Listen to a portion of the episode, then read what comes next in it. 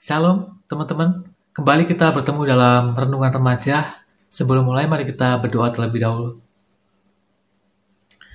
Bapak terima kasih ya Tuhan atas kasih-Mu ya Bapak, atas penyertaan-Mu sepanjang hidup kami. Biarlah kami menjadi pribadi-pribadi yang setia padamu ya Bapak, menjadi kaum muda yang selalu mengandalkanmu ya Tuhan.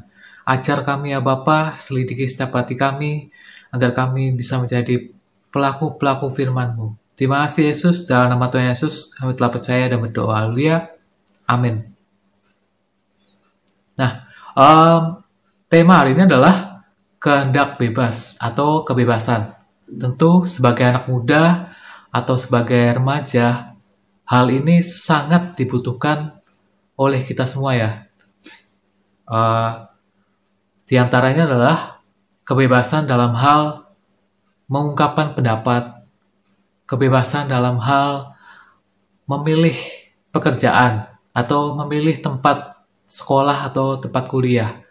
Nah, sebagai anak muda, apakah kita bisa melakukan segalanya ketika kita diberikan kehendak bebas atau kebebasan? Ini akan kita bahas ya. Kalau kita melihat di awal Tuhan Yesus menciptakan manusia, tentu saja sudah diberikan kehendak bebas atau kebebasan. Nah, ini merupakan resiko yang Tuhan ambil.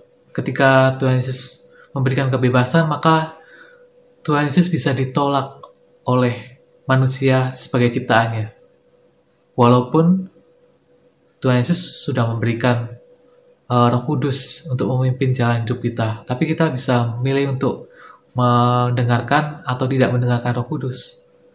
Tentu sebagai anak muda, sebagai kaum muda remaja yang tumbuh di dalam Tuhan, kita harus mempunyai tanggung jawab dalam kebebasan yang kita punya.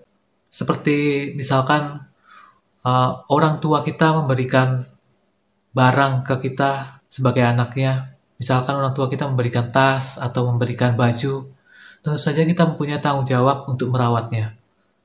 Mungkin kalau kotor kita harus cuci, ya, kalau kita harus meletakkan misalkan kalau baju di tempat yang bagus, di tempat yang baik, di lemari. Jadi dibutuhkan tanggung jawab. Demikian pula dengan kalau kita diberikan kebebasan oleh Tuhan, maka kita harus menggunakan kebebasan itu dengan tanggung jawab yang benar. Untuk melakukan pekerjaan Tuhan, tentu saja nggak mudah. Dibutuhkan proses, dibutuhkan pembelajaran, dibutuhkan mungkin kegagalan-kegagalan yang akan kita alami, yang akan kita yang akan kita hadapi. Namun, mari kita belajar dari firman Tuhan. Kita akan baca ayatnya ya di dalam Kisah Para Rasul pasal yang kedua pasal yang ke-13 ayat 22. Kisah Para Rasul pasal 13 ayat yang ke-22 akan saya bacakan. Setelah Saul disingkirkan, Allah mengangkat Daud menjadi raja mereka.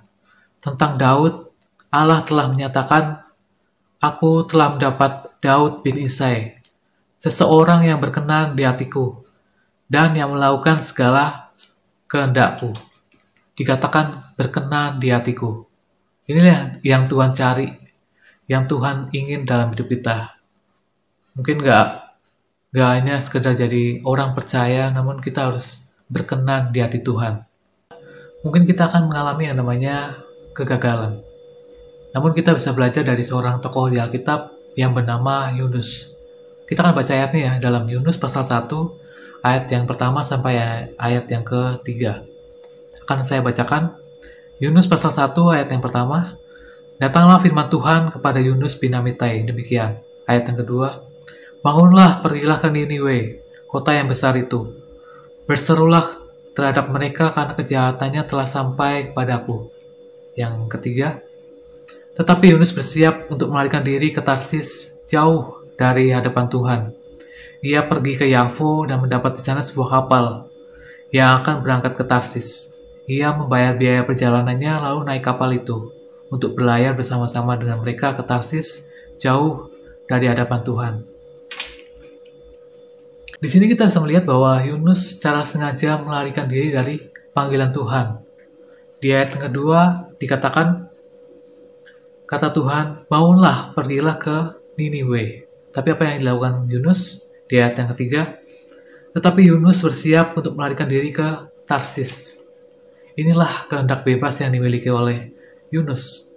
Yunus bisa untuk menolak apa yang Tuhan suruh.